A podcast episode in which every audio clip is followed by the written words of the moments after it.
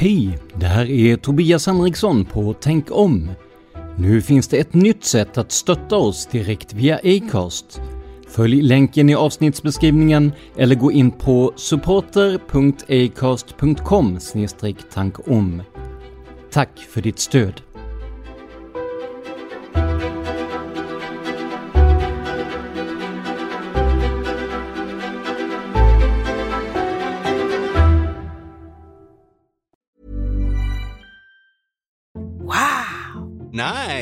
Yeah.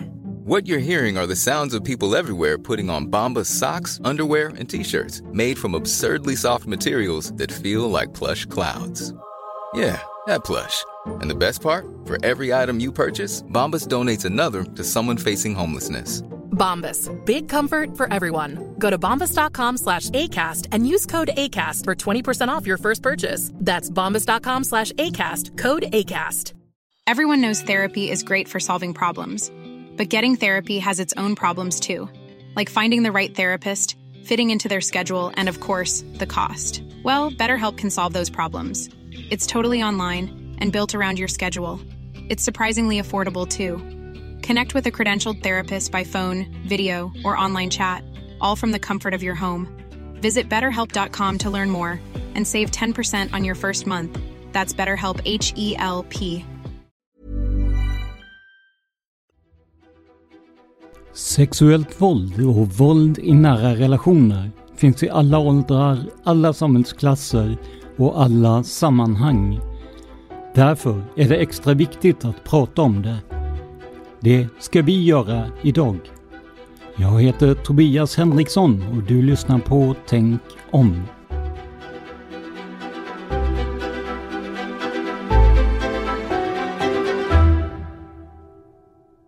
Välkomna till Tänk om, en podcast som granskar konspirationsteorier och myter. Innan vi börjar vill jag påminna er om att det går alldeles utmärkt att stötta oss ekonomiskt om ni tycker att det vi gör är bra. Det här gör du enklast genom att gå in på patreon.com tankom och välja en summa som podden får per publicerat nytt avsnitt. Görs det inga nya avsnitt, ja då dras det heller inga pengar. Adressen är alltså patreon.com tankom. Om du hellre vill göra en engångsdonation, ja, då hittar du sätten att göra detta på i avsnittsbeskrivningen. Jag vill också passa på att säga att alla kommande avsnitt kommer att vara utan bakgrundsmusik och ljudillustrationer. Efter att ha frågat er vilket ni tyckte bäst om var svaret överväldigande.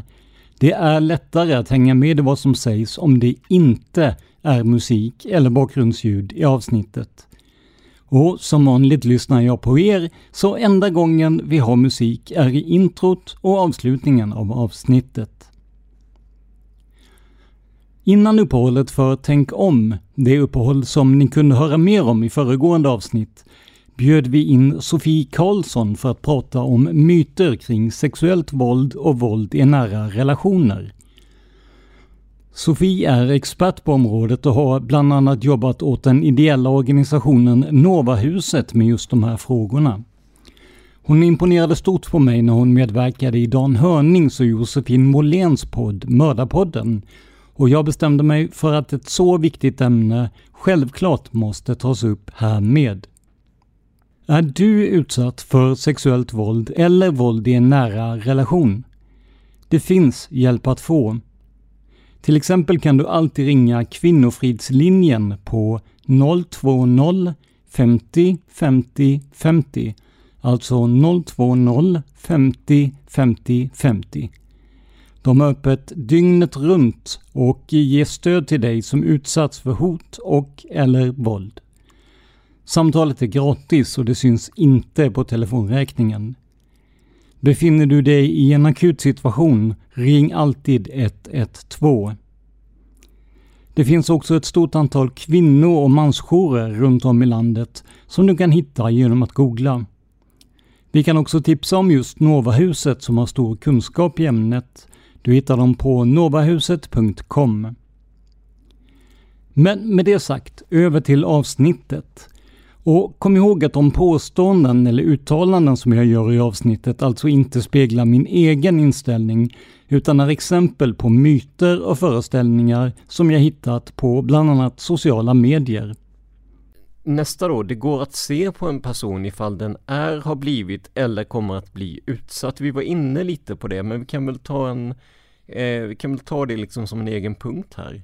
Går det att se på folk om de blir utsatta för sexuellt våld? Nej, det gör ju inte det. Eh, det kan finnas varningstecken. Eh, till exempel att eh, man kanske börjar skolka eller krångla med maten eller liksom att det, är ja, att man kan se att den här personen kanske inte mår riktigt bra och det kan finnas bakomliggande faktorer som till exempel sexuellt våld i det. och här vill jag också flagga för att det kan även vara positiva förändringar. Eh, som kan innebära att det finns bakomliggande trauma eller problematik. Eh, det kan vara eh, ett, barn som vanligtvis inte tycker om att vara i skolan helt plötsligt alltid dyker upp i tid. Att skolresultaten blir jättemycket bättre eller att eh, matvanor blir bättre. Eller det, ja, positiva förändringar helt enkelt.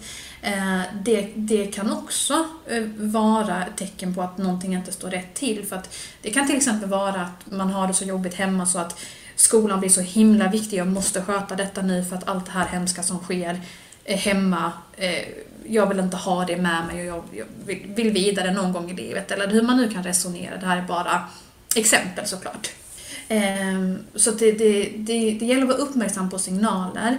Ehm, och det kan också finnas vissa riskgrupper, till exempel eh, personer inom mm, barn och vuxna då inom HBTQ ehm, communityt har statistiskt sett en, en högre löper en högre risk för att bli utsatta och även personer med olika funktionsvariationer har också, eh, löper också en högre risk. Men, men det vi måste göra alltid är att vi måste alltid våga fråga. Och vi måste fråga alla barn och vi måste fråga mer än en gång. Eh, och vi måste också då, som vi var inne på innan, vi måste våga bemöta det här på ett korrekt sätt där vi inte skuldbelägger den som blivit utsatt, där vi kan ta emot den personens känslor kring det hela utan att lägga över våra egna känslor kring det. Så, så nej, det går inte att se på en person ifall den är, har blivit eller kommer bli utsatt för sexuellt våld. Men då om vi vänder på frågan, kan man se på en person om hen är en förövare eller kommer att bli en förövare eller har de tendenserna? Eh, nej, det är ju samma sak här och en, en vanlig myt eller så om man frågar eh, hur ser en, en sexförbrytare eller en person som utsätter Eh, ut så, så tror jag, eller tror, eh, det, det, finns forskning och indikationer på att man föreställer sig eh, de här klassiska fula gubbarna som liksom gömmer sig i, i buskar eh, och hoppar fram och blottar sig eller eh, överfallsvåldtäkt då. Eh, men färsk forskning visar att ungefär 35% av de som blir utsatta för sexuellt våld i tonåren har blivit det av en jämnårig person. Eh, så till exempel då så finns det ju barn som utsätter andra barn för sexuellt våld och det måste vi också våga prata om. Vi måste prata med barn om eh, rättigheten till sin egna kropp och också att man aldrig har rättighet till någon annans kropp eh, för att motverka att sexuellt våld sker mellan jämnåriga barn. Alltså jag tänker att det är illa nog när man har ett offer som som är minderårig men det blir på något sätt dubbelt tragiskt när både förövare och barn eh, är underåriga för att jag tänker att konsekvenstänket hos förövaren är ju inte, det är inte att försvara någon på något sätt men konsekvenstänket är ju inte detsamma hos någon som är yngre så det känns ju väldigt viktigt att prata om det för båda de här, för båda sidor så att säga. Precis, och det är därför det är så viktigt att vi pratar med våra barn eh, och att vi hela tiden håller det samtalet levande. Att det räcker inte att vi pratar en gång eller ifall barnet visar motvilja att vi då släpper det utan att vi hela tiden pratar om, om liksom hur sex och samlevnad och relationer är på ett hälsosamt sätt och vilka rättigheter och skyldigheter eh, man har. Men jag tänker, du var inne lite på det här, men eh, ja men säg barn med funktionsvariationer eller med speciella behov och sånt där. Eh, blir de oftare utsatt för sexuellt våld eller försök till sexuellt våld? Eh, statistiskt sett så ja, en, en myt är ju att de sällan blir utsatta. Men eh, forskning och statistik visar att det här är en extra sårbar grupp. Eh, och det här kan man läsa mer om om man vill i rapporten Alla tittade men ingen såg. Eh, det går att googla sig fram till den. Eh, men här, men här är det viktigt för, för samhället har en tendens att avsexualisera barn med speciella behov eller funktionsvariation. Mm. Men, men vi måste prata även med dem om vilka rättigheter de har till sina kroppar och om sund kunskap kring sexualitet, samlevnad och relationer. Ehm, och ehm, för att till exempel eh, funktionsvariationer och även barn med psykisk ohälsa, det, det kan vara svårare för de barnen att eh, riskbedöma en okänd kontakts intentioner och att sätta hälsosamma gränser. Ehm, så vi, vi måste prata med alla barn och återigen, det går inte att se på en person ifall den eh, är utsatt eller kommer utsätta. Och, och här tänker jag en annan sak som är viktigt, det är ju att när man tänker funktionsvariationer, då kanske man tänker på ja, men intellektuell funktionsnedsättning eller liknande, men vi har ju ett, ett Eh, vi har ju många barn som lever med en neuropsykiatrisk eh, diagnos också, till exempel en ADHD eller liknande, där, där som också kan påverka dels, vad ska vi säga, ja men, eh, ja men kanske riskbedömning och att man, ja, man kanske hoppar på någon grej som man tycker verkar rolig för stunden och så vidare. Så att jag tänker att även, även en sån grupp måste ju ja, men, räknas med eller få den den utbildningen eller vad vi ska kalla det då ju. Jag tror att det är lätt att man, när man tänker just på funktionsvariationer så är det nog lätt att tänka, ja men det, det som tidigare kallades för, för särskola till exempel då, eller intellektuell funktionsnedsättning. Men det finns ju så många personer med de här, eh, med, som, som innefattas i den problematiken tänker jag. Mm, absolut, och det är därför vi måste prata med alla barn, inte bara våra egna utan Eh, Eh, och nu menar jag, alltså, ingen kan göra allt men alla kan göra något, principen gäller ju såklart. Men att generellt vuxenvärlden, vi måste prata med, med alla barn eh, i olika forum då, både på anpassad skola och eh, i, i normklasser eller vad man ska kalla det.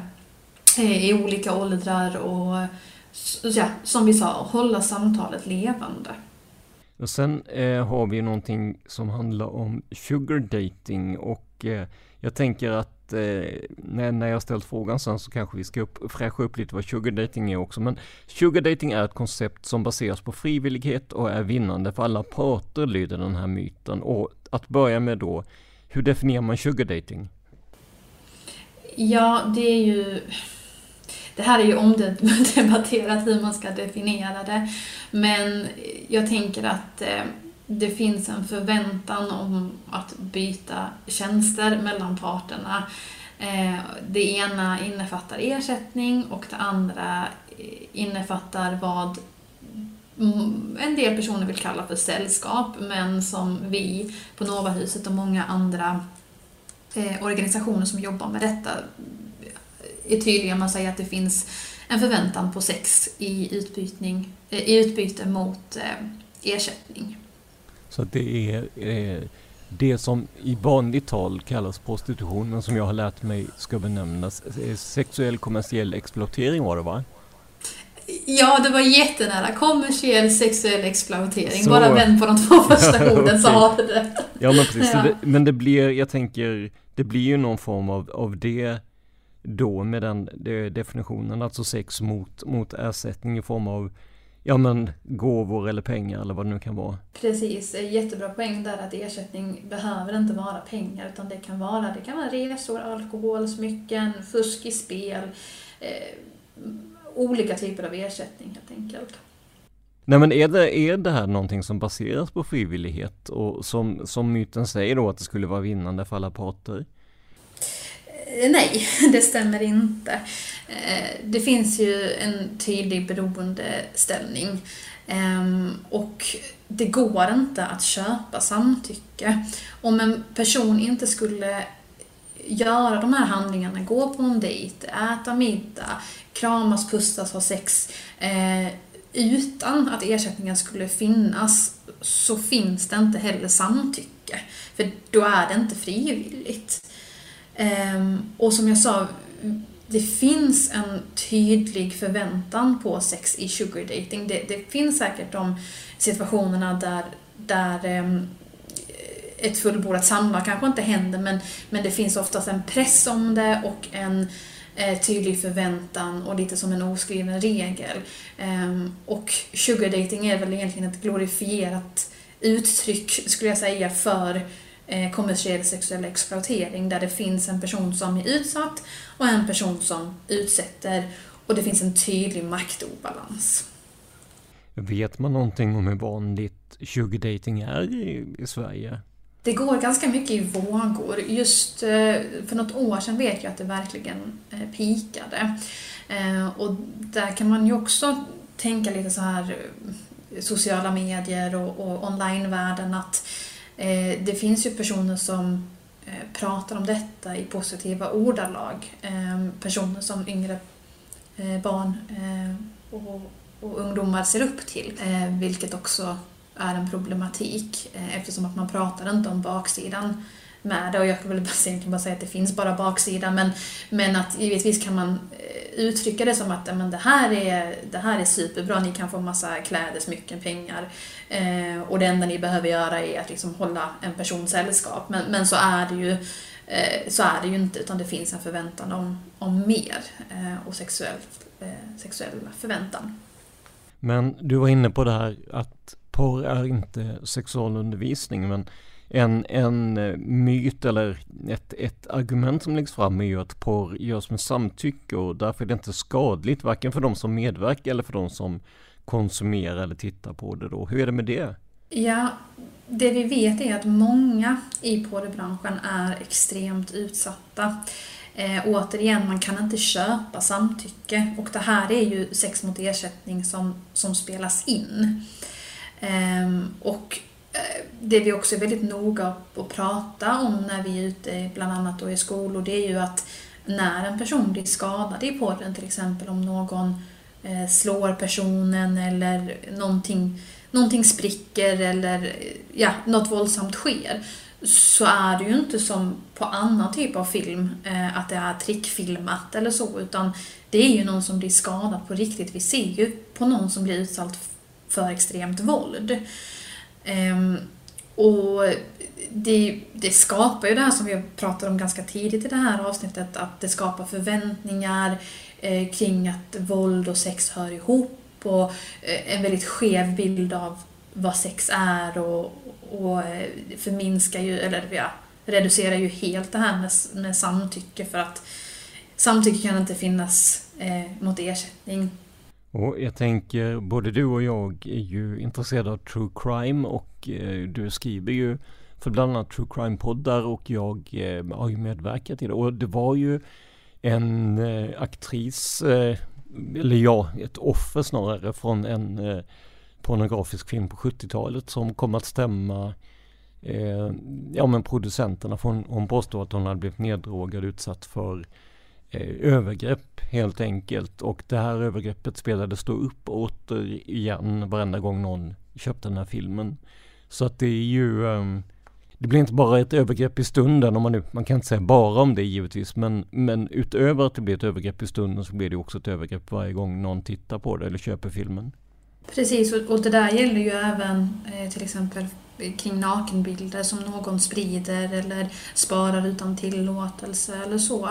Um, och, och, det kan vara jättesvårt att bemöta, särskilt om det är barn som har eh, skickat nakenbilder och barnet kanske inte såg det som ett problem. Själva skickandet kanske var till en jämnårig med samtycke men personen, någonting förändras i situationen, att, att personen spred eller liknande. Och, och det kan kännas lite svårt att bemöta ibland för att ja, allt på internet sparas ehm, och det kommer kanske alltid finnas där ute.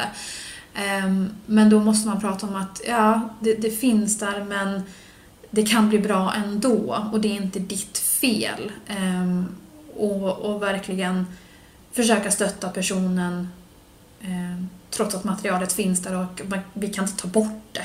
det tyvärr, det är den krassa verkligheten. Men när man hör talas om våldtäkter eller sexuella övergrepp i media och sådär, då är det oftast den här klassiska överfallsvåldtäkten man, man hör om. Alltså en, en okänd person som flyger på någon på stan eller så här. Är det den som är den vanligaste typen då? Nej, det är en vanlig myt att eh, de flesta våldtäkterna är överfallsvåldtäkter och att eh, förövaren ofta är okänd för den utsatta. Eh, men om vi kikar lite på siffror från 2019 så 75 procent av alla anmälda våldtäkter har begåtts inomhus. Och 80 procent av alla utsatta är bekanta med sin förövare. Varav en tredjedel hade en nära relation med personen som utsatta eller personerna som är utsatta. Det kan ju vara för flera också. Eh, och bara 3-5 procent eh, av alla våldtäkter eh, år 2019 var överfallsvåldtäkter. Och då tänker jag att det finns ju, vad gäller eh, ja, men våldtäkter i en nära relation eller någon man känner så måste ju mörkertalet vara enormt stort också. Absolut, det, det är ju ett, ett stort problem. Både, om man ska säga, både när det gäller våld i nära relation mellan vuxna parter eh, och också bland barn. Jag vet att det finns en uppskattning om att ungefär 90 procent av alla barn i årskurs 6, så alltså 12-åringar, inte berättar ifall de blir utsatta för sexuellt våld. Ehm, och även då när det gäller våld i nära relationer så finns det olika faktorer som gör att det är svårare att anmäla och det, det vet jag att vi kommer komma in på lite senare så jag ska släppa det för tillfället. Men någonting som har, ja men det har varit på tapeten nu verkligen i och med eh, metoo-rörelsen och det här och det är ju att vissa påstår att eh, kanske framförallt tjejer då, men offer i alla fall, att de anmäler våldtäkter som ett sätt att hämnas någon slags eh, utpressningssituation mer eller mindre. Hur står det till med det där egentligen? Det där är ju en extremt farlig myt eh, eftersom att det kan hindra eh, människor från att anmäla eh, och det även skuldbelägger fel part. Eh, och vi på Novahuset, vi, vi träffar tusentals människor och vi har varit Eh, aktiva sedan 2008. Och vi har aldrig mött någon som har anklagat någon utan grund. Det är inte särskilt kul att sitta i polisförhör. Det är inte kul att berätta intima detaljer om sex och sexuellt våld. Det är, det är ingen som gör det för att det är kul eller för att hämnas eller för att det inte har hänt. För att man, det, det är en farlig myt som vi, vi måste slå hål på. Vi måste tro på de som berättar om sexuellt våld.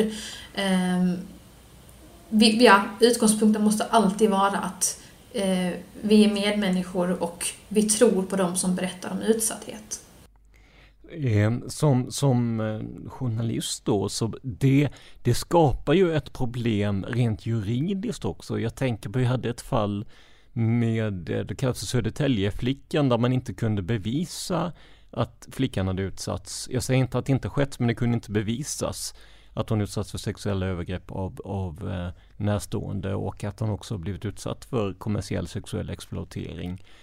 Eh, hur, hur ska man hantera sånt där? För att, att man ska tro på personer, det är ju en sak, det är självklart, men juridiken och eh, eh, vad ska vi säga, medkännandet går ju inte alltid hand i hand. Mm, jag förstår precis vad du menar och eh, det jag vill säga i det området är att eh, om man känner sig stark nog och att man klarar av att anmäla eh, så är det alltid bra att göra det. Eh, det finns fällande domar. Eh, många av de personerna som, som vi möter eh, anmäler, vi, vi hjälper dem också att, att anmäla eh, och vi ser fällande domar. Eh, men sen, ja, det, det, finns en problematik i vissa fall kring eh, vad vårt rättssystem säger det här kring bevisbörda och, och vad som är bortom all rimligt tvivel och så här. Men skulle man hamna i situationen där man har anmält och det inte leder till det resultatet som man hade önskat Ehm, så får man ändå någonstans... Jag tänker att man får någon slags upprättelse i att ha fått sagt sin historia. Och återigen, jag kan inte tänka mig att det är skitkul att sitta som en eh, åtalad eller misstänkt för sexuellt våld. Att, att sitta i ett polisförhör och behöva svara på frågor kring, kring en sån här händelse eller eh, den här utsattheten som, som man är ansvarig för. Så även om jag skulle önska vissa lagändringar och bättre förståelse från det juridiska och från vårt rättssystem eh, så vi måste fortsätta använda oss av det för att det ska bli bättre. Och återigen det här med mörkertal då att eh, om, om vi anmäler, om det kommer eh, liksom att, att man ser att okej, okay, det här är en större problematik än, än vad vi har vetat om tidigare för att människor av olika anledningar inte har anmält så blir det ju också en ökad press på uppdaterad lagstiftning och, och på våra politiker tänker jag. Eh, så, så jag förstår vad du menar, det finns en problematik i att eh, eh det inte alltid blir fällande dom eller det resultatet man önskar sig men vi måste fortsätta använda oss av vårt rättssystem i alla fall. Ryan Reynolds here from Mint Mobile. With the price of just about everything going up during inflation, we thought we'd bring our prices down. So to help us, we brought in a reverse auctioneer, which is apparently a thing. Mint Mobile unlimited premium wireless. Ready to get 30, 30, bit to get 30, bit to get 20, 20, 20, bit to get 20, 20, bit to get 15, 15, 15, 15 just 15 bucks a month. So, Give it a try at mintmobile.com/switch. slash $45 up front for 3 months plus taxes and fees. Promo rate for new customers for limited time. Unlimited more than 40 gigabytes per month slows. Full terms at mintmobile.com. Everyone knows therapy is great for solving problems, but getting therapy has its own problems too like finding the right therapist, fitting into their schedule, and of course, the cost. Well, BetterHelp can solve those problems. It's totally online and built around your schedule. It's surprisingly affordable too.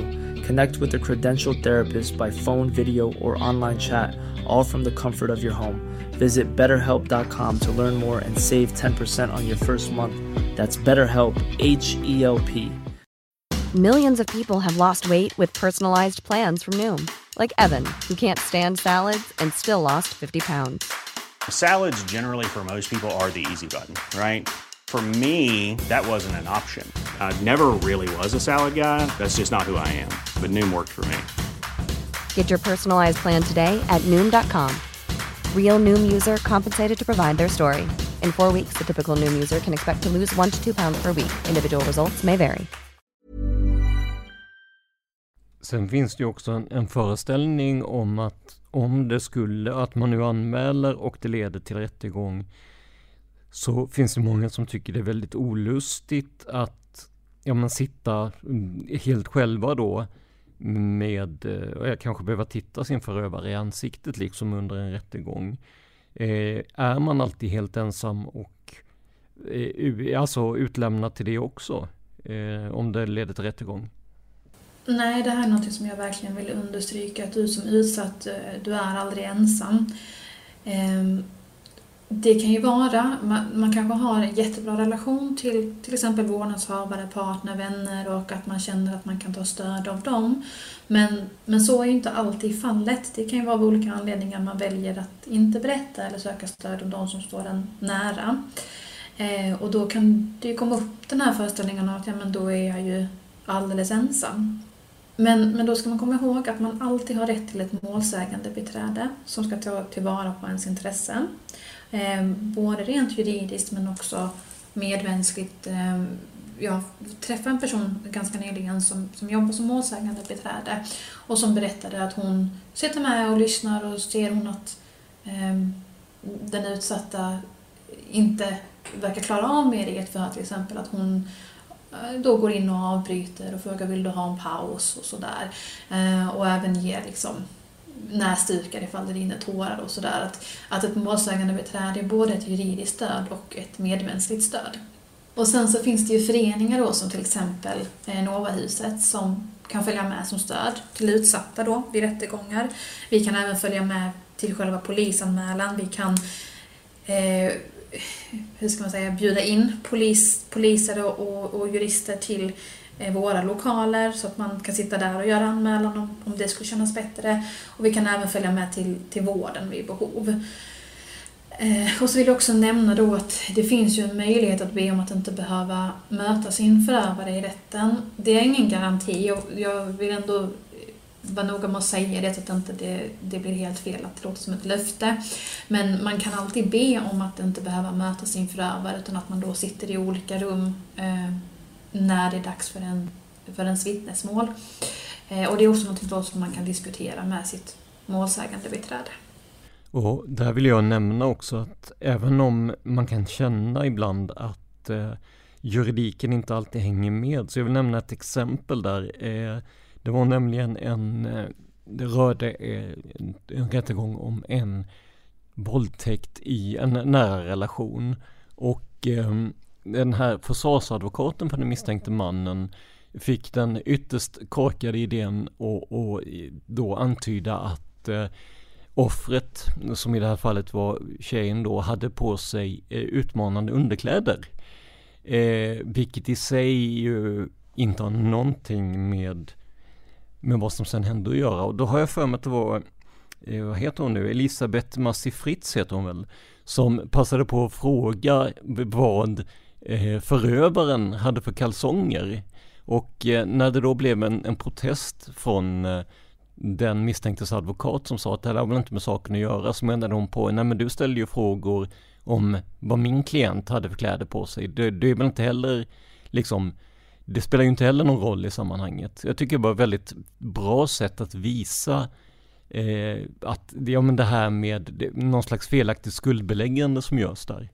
Precis, och det är ju någonting som tidigare har eh, jag vill inte säga varit standard, men att det har varit ganska vanligt förekommande från försvaret. Vad hade hon på sig? Vad hade hon gjort innan? Vad har hon för Eh, sexuellt umgänge i övrigt? Men, men som du säger är ett jättebra exempel att vi, vi bryter faktiskt de eh, normerna eh, mer och mer och det här var ett superbra exempel på det.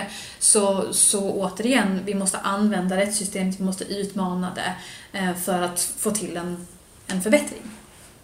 Sen är det ju någonting som eh, när man använder begreppet pedofil så är det ju att någon som utsätter barn för sexuellt våld. Men alla som utsätter barn för sexuellt våld är väl inte pedofiler eller? Nej precis, det är ju en, en allmän missuppfattning eh, att förövaren eller den som utsätter är pedofil. Eh, och pedofili är ju att man har en medfödd, medfödd sexuell preferens för barn. Eh, men det stämmer inte utan sexuellt våld begås i stor utsträckning av någon i, barnens närhet som inte är pedofil. Eh, någon som barnet har förtroende för eh, och är beroende av. Det kan vara till exempel en familjemedlem, släkting eller en granne. Men det finns ju också en del förövare som man kan kalla för eh, tillfällesförövare. Eh, som inte specifikt har en sexuell dragning till barn utan begår övergrepp för att de i stunden hade eh, möjligheten då. Men om vi, om vi går tillbaka till det här med eh, sexuella övergrepp och eh, våldtäkter. Men eh, myten som säger att sexuella övergrepp alltid innehåller någon form av fysiskt våld, stämmer det? Eh, nej, det stämmer ju inte för det, det är också en vanlig eh, föreställning som du säger, att det måste vara liksom Eh, till exempel definitionen av våldtäkt är ju att, eh, är ju att någonting penetreras alltså, och det kan ju vara en, eh, en annan persons kroppsdel men det kan också vara ett föremål som, som penetreras utan samtycke och då är det ju våldtäkt. Och sen så finns det ju även liksom tafsningar och olika typer av ofredande av övergrepp som är fysiska. Och det är ju, det är ju sexuellt våld, men sexuellt våld är ju också eh, till exempel grooming eh, är ju ett begrepp som vi hör Eh, ibland. Ehm, och det innebär ju till exempel att man eh, hur ska man säga, tar kontakt med barn i syfte av att få dem att begå sexuella eh, handlingar. Och det kan ju vara till exempel att skicka en nakenbild eller chatta, livechatta, videochatta där barnet visar sig naken eller att man själv visar sig naken för, för barnet. Ehm, och, sen även den, alltså så här, personer under 15 år kan inte ge samtycke. Att, att liksom fråga en person under 15 år ifall den vill ha nakenbild eller vill skicka nakenbild eller eh, skriva på ett sätt som är olämpligt, eh, obehagligt, sexuellt, ehm, det, det är olagligt. Eh, och även hot om till exempel sexuellt våld, att jag, ja, jag ska göra det här eller det här mot dig eller gör inte du detta så kommer jag göra det här mot dig eller någon i din familj. Um, så det är också sexuellt våld. Um, och, och, här är någonting som kopplat till detta så vill jag lyfta eh, återigen varför det är så viktigt att prata med våra barn om hur man ska närma sig sex, samlevnad och relationer på ett hälsosamt sätt. Eh, barn och även vuxna får ju ibland eh, oönskade förfrågningar. Eh, vänförfrågningar på sociala medier eller meddelande med eh, sexuellt innehåll. Och det kan ju vara till exempel så här, ja men Ja, nu hittar jag på, det här är ingen, det här är ingen specifik person så att inte vi blir stämda för förtal.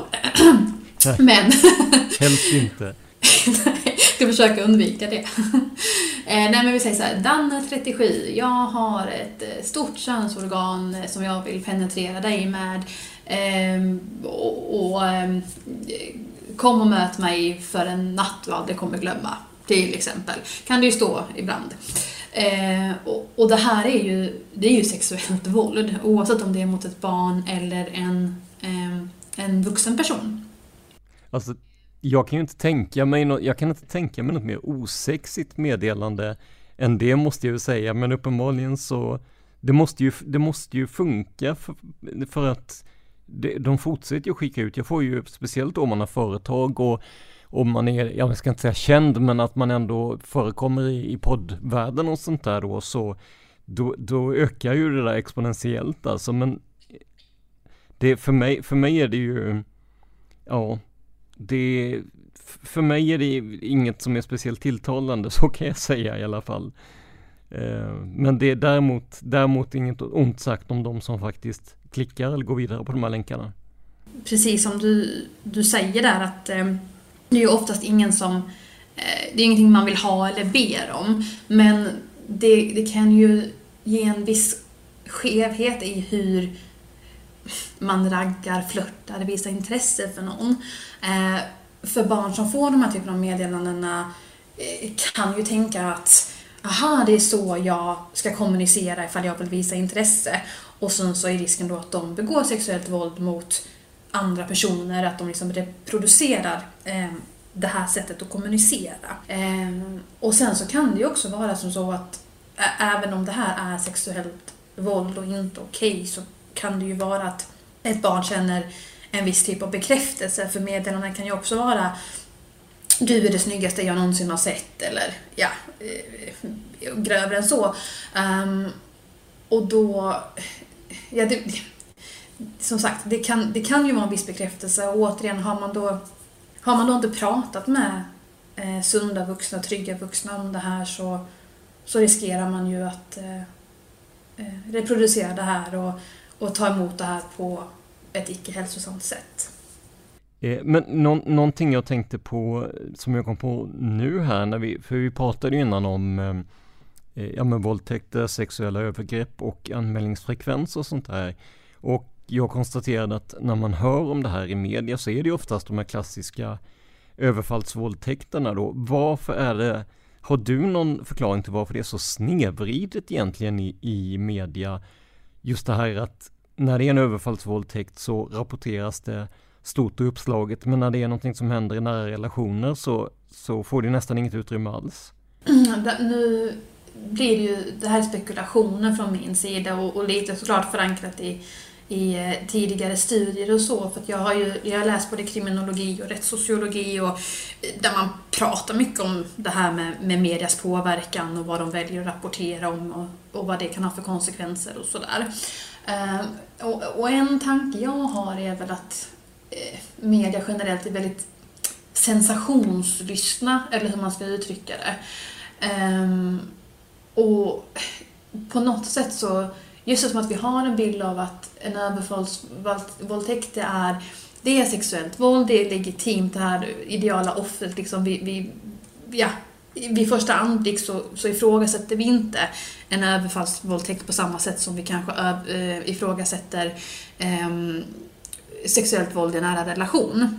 Men också att det, det någonstans finns äh, ett nyhetsvärde och, och, eh, det kan ju finnas olika anledningar till varför man vill skrämma upp eh, allmänheten och även liksom få personerna att köpa det man skriver. Att en, en rubrik som liksom ung kvinna överfallen i den här parken eh, gör väl oss mer benägna. För det är också så här att oh, det kunde vara vem som helst, när som helst. Det skulle kunna vara jag eller eh, en familjemedlem. Eh, jag tänker att ja, media sensationslystna, det, det säljer bättre och vi ifrågasätter inte direkt om det här var sexuellt våld eller inte som vi tenderar att göra när det gäller partnervåld. Och det är ju inte bara sexuellt våld i, i, i partnerrelationer som, eh, som inte rapporteras lika frekvent om. Det är ju även annan typ av våld, misshandel och eh, mord eh, som när det sker inom husets väggar så att säga inte fått lika stor uppmärksamhet. Eh, men jag tror du är inne på något väldigt viktigt där för att när någon är ute i en park exempelvis på väg hem från krogen, man kanske är lite berusad och sådär.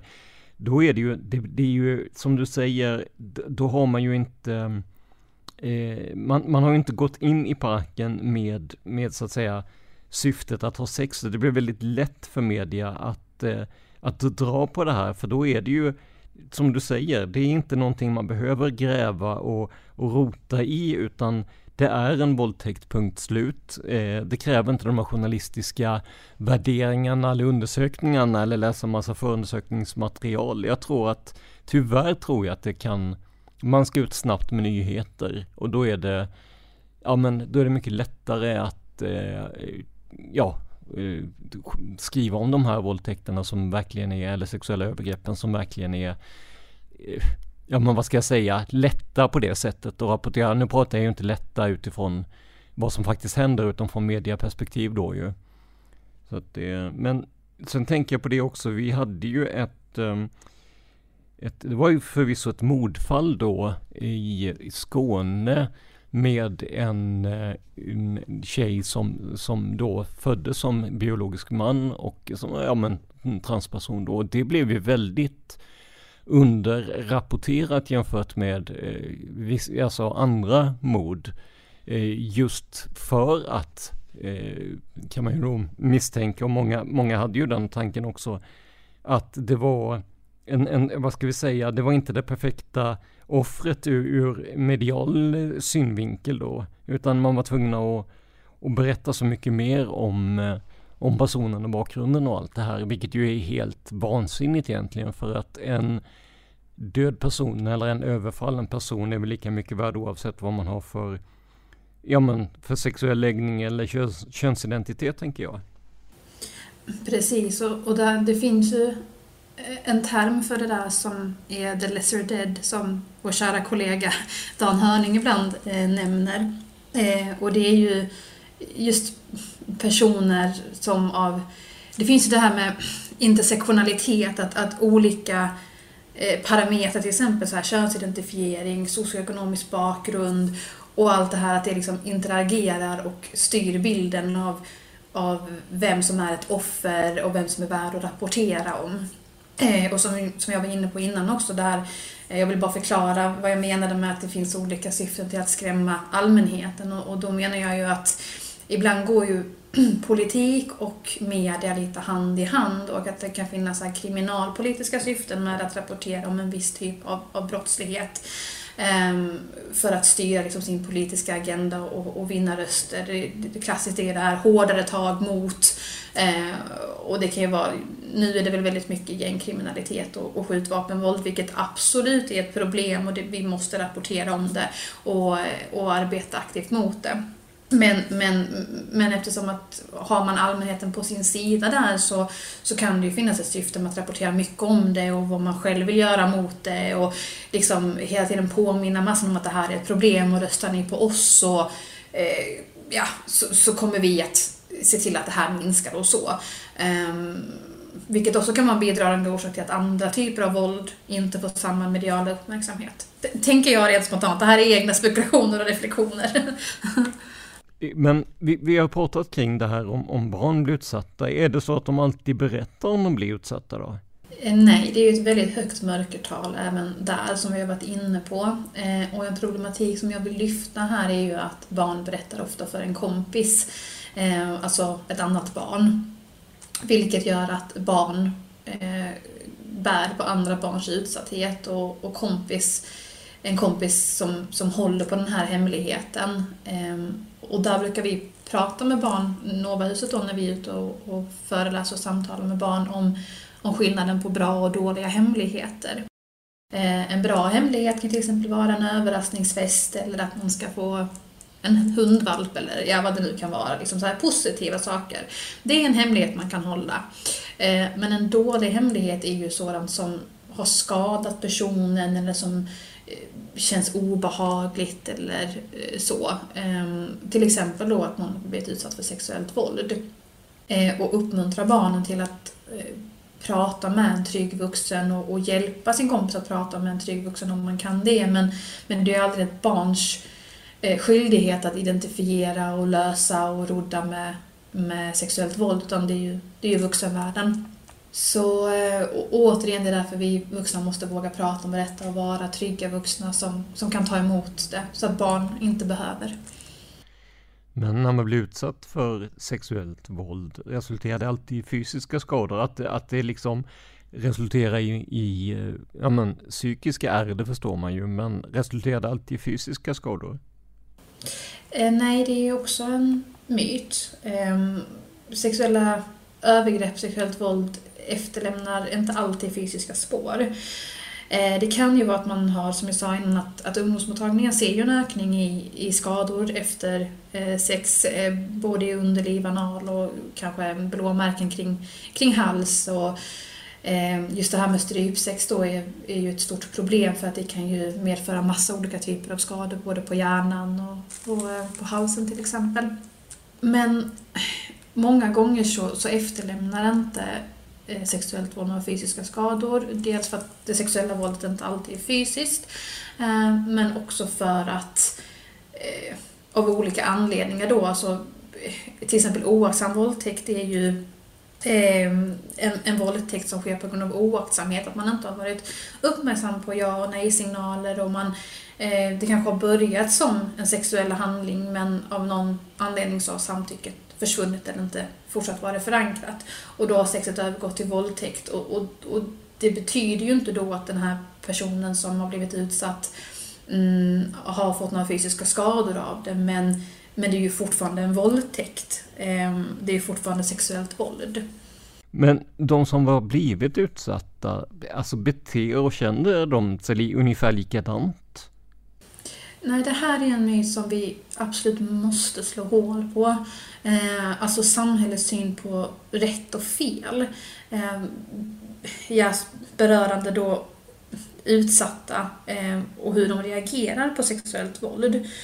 Eh, det är okej att må helt piss efter att ha blivit utsatt. Eh, det är också okej att må bra. Ehm, vi har liksom en bild av att efter att man har blivit utsatt för sexuellt våld så ska man inte kunna gå vidare och man ska bete sig på ett visst sätt. Ehm, man kanske har en bild av att personen blir deprimerad eller självskadad eller har ångest. Ehm, all den här liksom problematiken. Men, men det behöver inte vara så. Det kan vara så att man kan identifiera, jag har blivit utsatt för sexuellt våld, men jag mår ändå ganska bra. Eh, och man kanske vill ha sex igen. Eh, och, och, de, och det är helt okej. Okay. Eh, man måste kunna få alla känslor måste få vara tillåtna, man måste kunna få prata om utsatthet och sexuellt våld utan att passa in den här mallen som samhället har byggt om hur ett offer ska vara. Och vi måste flytta fokus från hur offer ska bete sig, eh, eller bete sig, och liksom fokusera på förövarnas beteende. Eh, det, är de, det är det beteendet som vi vill eh, förändra. Ja, men absolut. Ja, och alla ska ha rätt till stöd. Oavsett hur man mår, känner eller tänker efter att ha blivit utsatt så, så måste det finnas ett forum där du får prata om detta och få stöd i det. Ehm, så det finns inget rätt eller fel sätt att reagera. Ehm. Och de här klassiska sätten att reagera, eller de här, vad ska vi säga, myterna om sätten att reagera, att man blir deprimerad eller utvecklar ett självskadebeteende eller så vidare. De är, det är ju likadant där, de är också helt både relevanta och okej okay sätt att reagera på så att säga. Så att det är lika lite som att det är, ja men man kan inte säga att någonting är fel eller rätt. Nej precis, alla känslor är tillåtna och beteenden, eh, man har ändå rätt till stöd och, och få prata om det som har hänt om, om man vill. Planning for your next trip? Elevate your travel style with Quince. Quince has all the jet setting essentials you'll want for your next getaway. Like European linen, premium luggage options, buttery soft Italian leather bags and so much more. And is all priced at 50 to 80% less than similar brands. Plus, Quince only works with factories that use safe and ethical manufacturing practices. Pack your bags with high-quality essentials you'll be wearing for vacations to come with Quince. Go to quince.com/pack for free shipping and 365-day returns.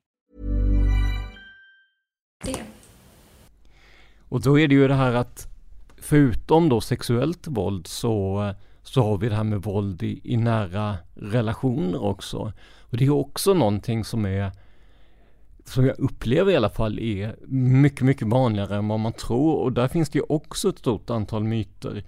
Eh, till exempel då, det här är också en flashback för övrigt. Jag slår inte min partner men jag menar det är väl inte så farligt om jag markerar att något hen gör är fel. Det där, för mig känns ju det sättet att resonera helt obegripligt. Eh, vad säger du? Mm, jag kan bara hålla med och jag vill understryka att våld kan se ut på olika sätt. Det behöver inte vara eh, direkt fysiskt våld, alltså att någon slår, eh, sparkar eller på annat sätt är fysiskt våldsam mot sin partner eller partners ifall man har flera. Eh, utan eh, det Våld kan se ut på många olika sätt. Det kan vara indirekt fysiskt våld, till exempel att man slår i möbler eller har sönder någonting. Ehm, så. Sen finns ju psykiskt och emotionellt våld ehm, där man med syfte att liksom bryta ner den andra personen eh, på olika sätt. Eh, och det kan ju vara allt från att komma med kränkande kommentarer eh, och kränkande kommentarer kan också vara sexuellt våld vill jag flika in där om det till exempel berör hur någon ser ut eller ens kropp eller så. Men det finns ju andra sätt man kan kränka en person på. Och sen kan det också finnas väldigt utstuderade manipulativa metoder för att få en person att bete sig och vara så som man, man skulle vilja på ett ohälsosamt sätt. Eh, och sen finns det ju också ekonomiskt våld, att till exempel att man eh, utnyttjar den andra personens ekonomi eh, på ett ohälsosamt sätt eller att man eh, kanske har en maktposition för att man är den partner som har en bättre ekonomisk ställning, eh, vilket man använder mot Eh, sin partner. Eh, så bara för att man inte slår så betyder det inte att man inte utövar våld mot sin partner. Det är väl det jag vill komma fram till. Och inget våld är någonsin okej okay i någon relation. Nej, och det är väldigt viktigt att, att betona att även om, säg att man är i en relation där partnern då, ja men fräser eller blir förbannad eller kräver att man ska klä sig på ett visst sätt så är inte det, det är inte okej okay bara för att det inte är eh, slag. Utan det är lika mycket våld som, som allting annat. Och det är lika, lika viktigt att reagera och agera på som annat. Mm. Håller helt med dig. Sen finns det ju den här myten om att våld tillkommer efter att Ja men säg att en, en om, om nu tar att en man misshandlar till exempel, att det tillkommer efter att, att partnern då har eh, provocerat en person. Eh, vilket jag känner är en, en skuldförskjutning som är ganska farlig. Men det är ju en, en myt som, som, som ändå finns där ute. Hur har vi det med det? Ja, det här är ju tyvärr ett ganska vanligt försvar. Ehm, men här vill jag bara säga att vi måste placera skulden där den hör hemma. Som du säger, vi kan inte gå med på att vi förflyttar skulden till den som har blivit utsatt, utan det är den som utsätter. Det är den personen som gör fel, det är den som är ansvarig för våldet. Ehm, ja, placera skulden där den hör hemma helt enkelt. Och även om en person tänker att jag kanske var eh, ja men jag vet inte, att, att man provocerade på något sätt så är det, det är liksom, dels behöver det inte alls vara så utan det kan bara vara skuldkänslor och dels så är det inte en tillåtelse för någon att slå eh, eller på annat sätt eh, utföra våld på en. Precis, och även eh, våld är ju aldrig, aldrig okej. Okay. Eh, och det är ju också, hur ska man säga, våld föder ju tyvärr ofta våld. Och det här pratar vi ju på något vis mycket med barn om att om någon skickar en kränkande kommentar ehm, eller ehm, ja, på annat sätt utövar våld så är det ju aldrig okej okay att, att eh, svara med våld heller. Ehm, för då, alltså två fel gör inte ett rätt utan ja, våld är aldrig okej, placera skulden där den hör hemma, alltså hos den som utsätter. Ifrågasätt inte den som har blivit utsatt. Sen finns det ju en, en fråga som till och med vad jag har förstått har dykt upp i rättssalar ibland och det är ju varför inte personen som råkar ut för våld i nära relationer bara lämnar och går därifrån. Men det är ju inte riktigt så enkelt, eller hur? Nej, här finns det ju massa, massa olika eh, bakomliggande faktorer. Jag tänkte nämna ett par stycken. Eh, det kan ju vara till exempel att man har gemensamma barn, eh, vilket av, på olika sätt försvårar att bryta med personen. Eh, det kan vara en önskan om att ha den här ja, bilden av kärnfamiljen, att man ska bo ihop och, och, och barnen ska ha tillgång till båda sina föräldrar. Eh, det kan också vara en rädsla i att eh, barnen kommer fara illa ifall eh, den utsatta parten lämnar och behöver lämna sina barn hos den våldsamma personen. Och det kan också vara en rädsla för att den våldsamma personen kommer utnyttja barnen för att fortsätta skada den utsatta då till exempel i att prata illa om personen och, och vända barnen emot dem eller använda rättssystemet eh, för att få vårdnad om barn, barnen eh, och ta, emot, ta ifrån den utsatta personens eh, rättigheter.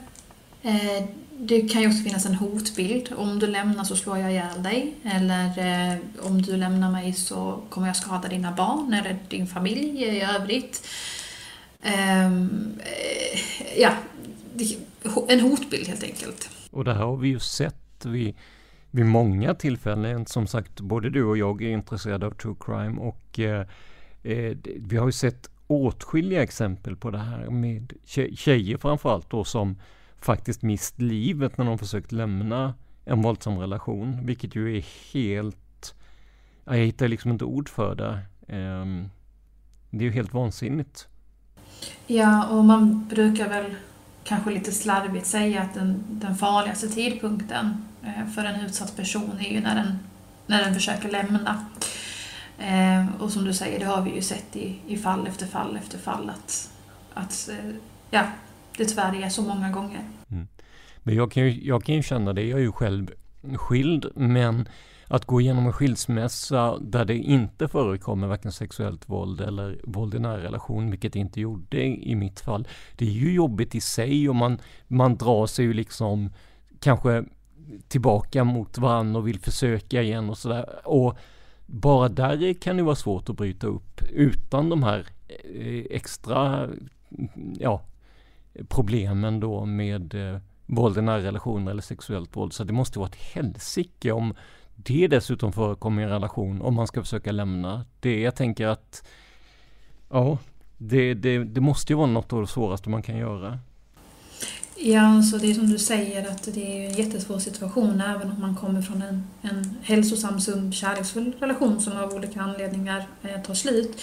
Eh, och det finns ju en, en term för det du beskriver, den här, den här som du sa, som, den här andra problematiken då som gör att man ändå har ett band till varandra och det är traumaband. Eh, och, och de här traumabanden de kan ju funka på olika eh, sätt men det kan ju vara att man eh, förknippar personen med vissa bra minnen som gör att man inte eh, kommer ihåg eller vill se det destruktiva, det, det som man har blivit utsatt för. Det kan också vara liksom en våldscykel som eh, drivs av, av rädsla och ett underliggande hot om våld hela tiden eh, som sen går över till jättefina stunder och sen så går det tillbaka. Eh, som gör att, att eh, både liksom rent eh, liksom psykologiskt eh, att, att eh, man lever i en konstant stress eh, och också ett konstant hopp om att det kan bli bättre. Eh, och att man oftast liksom söker inom sig själv, hur kan, hur kan jag göra för att vi ska undvika våldet fastän återigen, det är, inte, det är inte där fokus ska ligga utan det är på den som utsätter. Eh, och ofta så är man som utsatt också väldigt nedbruten. Eh, återigen, det finns inget rätt och fel sätt att känna eller reagera efter sexuellt våld eller annan typ av våld. Men, men, men vanligt förekommande är ändå att man, man är nedbruten och, och att man har skuldkänslor eller att man skäms. Eh, vilket återigen, eh, skuld och skam hör inte hemma hos den som har blivit utsatt utan hos den som utsätter. Men det försvårar ju såklart också eh, att, att bryta upp, även om man då inte har gemensamma barn eller så, så jättesvårt och svårt att identifiera ofta många gånger vad är det jag blivit utsatt för, att det är våld. Eh, för att oftast kommer det ju gradvis och i perioder eller cyklar och så. Det är ju, det är ju sällan ett konstant helvete. Eh, och det, det är ju sällan att liksom, det börjar med ett slag utan att ja, det kommer successivt helt enkelt och eh, ja, det är väldigt svårt. Men jag tänker vi, vi börjar ju närma oss eh, slutet av det vi har förutsatt eh, oss att prata om. Men om man är drabbad av våld i nära relationer eller sexuellt våld, var kan man vända sig för att få hjälp och stöd?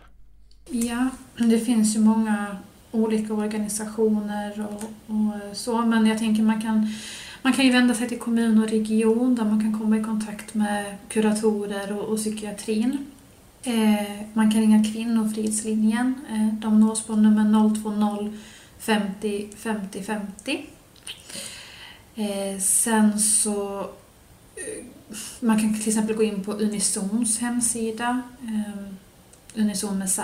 De listar ungefär 140 eh, jourer runt om i Sverige. Eh, så man kan se vilka jourer man har i närheten som man kan söka stöd hos. Eh, som barn kan man till exempel eh, vända sig till BRIS eh, eller umo.se för stöd och vägledning. För personer som behöver stöd och som identifierar sig som kille, samtidigt mellan 10 och 25 år, så kan jag rekommendera killa.se. Där finns en stödchatt och även information ifall man vill besöka en samtalsmottagning. Eh, är man utsatt i kommersiell sexuell exploatering eller har tidigare varit utsatt och känner att man behöver stöd, alltså att man har haft sex mot ersättning, eh, eller, lidit av, eller lider av sexuellt självskadebeteende så kan jag rekommendera Ellencentret som ger gratis stöd till personer som är mellan 15 och 25 år gamla oavsett kön eller könsidentitet. Ehm, jag vill också tipsa om novahuset.com, alltså den organisationen där jag arbetar. Eh, vi har eh, stödchatt och, och mejl. Eh, och allt vårt stöd är kostnadsfritt och man kan vara anonym så man behöver alltså inte ens uppge sitt riktiga namn. Vi har också sekretess. Och jag vill också nämna här att även om det är någon som lyssnar här som misstänker att man har utsatt någon för våld så kan man ringa Nationellt centrum för kvinnofrids telefonlinje för våldsutövare. Eh, och telefonnumret dit är 020 555 666. Det finns även nationella mansjouren eh, på 08 30 30 20. Och slutligen vill jag också säga då att som anhörig, om man, eller ja, om man misstänker att någon är utsatt eh, eller utsätter så kan man ringa Kvinnofridslinjen för, stöd, för stöd och råd. Och de nås på nummer som jag sa 020 50 50 50. Eh, och jag tänker att vi lägger en del av de här länkarna i avsnittsbeskrivningen eller telefonnumren i avsnittsbeskrivningen så jag tänker att om man tittar på demografin för eh, Tänk om så är det ganska stor andel kvinnor som, som lyssnar och många yngre män. Så att jag tror att det här, eh, det här ämnet passar väldigt bra för vår eh, målgrupp också. Eh, är det någonting som du vill tillägga Sofie innan vi avslutar? Nej, jag vill väl bara understryka det jag tycker är allra viktigast och det är att du som, eh, du som är utsatt, du är inte ensam Och det är aldrig, aldrig ditt fel. Eh, och sök hjälp både ifall du är utsatt eller ifall du misstänker att du utsätter. Det finns stöd och hjälp att få. Men då så stort tack eh, för att du var med Sofie. Jätteintressant och väldigt viktigt givetvis att, att ta upp det här och som sagt jag tror det kommer landa väldigt bra hos, eh, hos vår målgrupp här också. Så jättetack för att du vill vara med.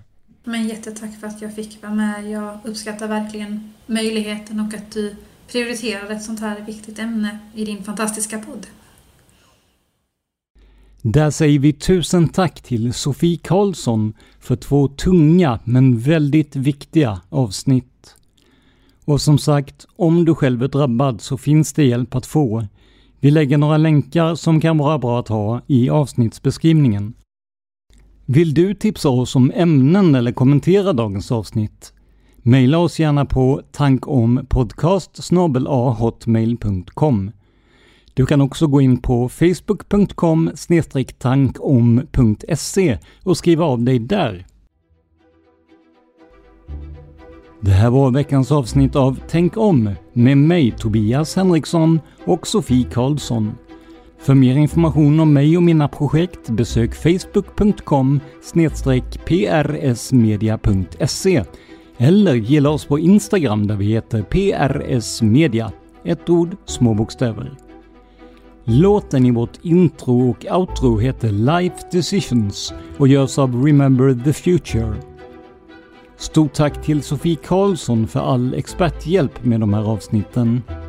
Men framför allt, stort tack för att du lyssnar på Tänk om.